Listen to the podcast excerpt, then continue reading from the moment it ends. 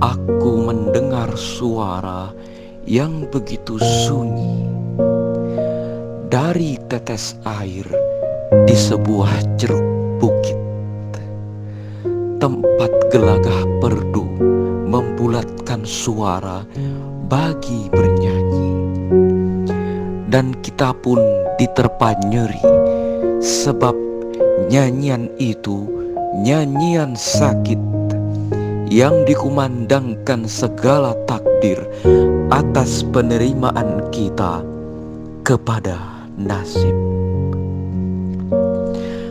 Kata-kata akan hangus di panggang musim panas, dan dari abunya kita menggurat kembali rindu yang kalah.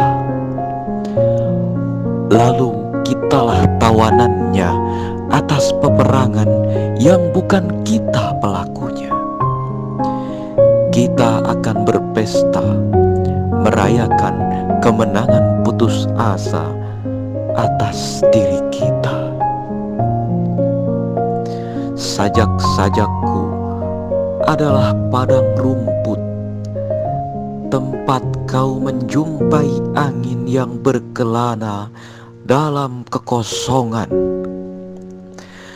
Dan datanglah, petiklah sembarang bunga, dan selamat datang pada awal musim kering.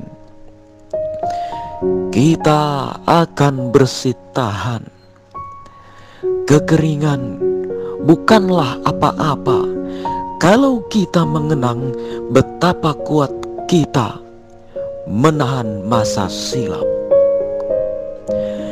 Di pucuk-pucuk gunung, kita akan mengibarkan bendera kemenangan kita terhadap kebosanan.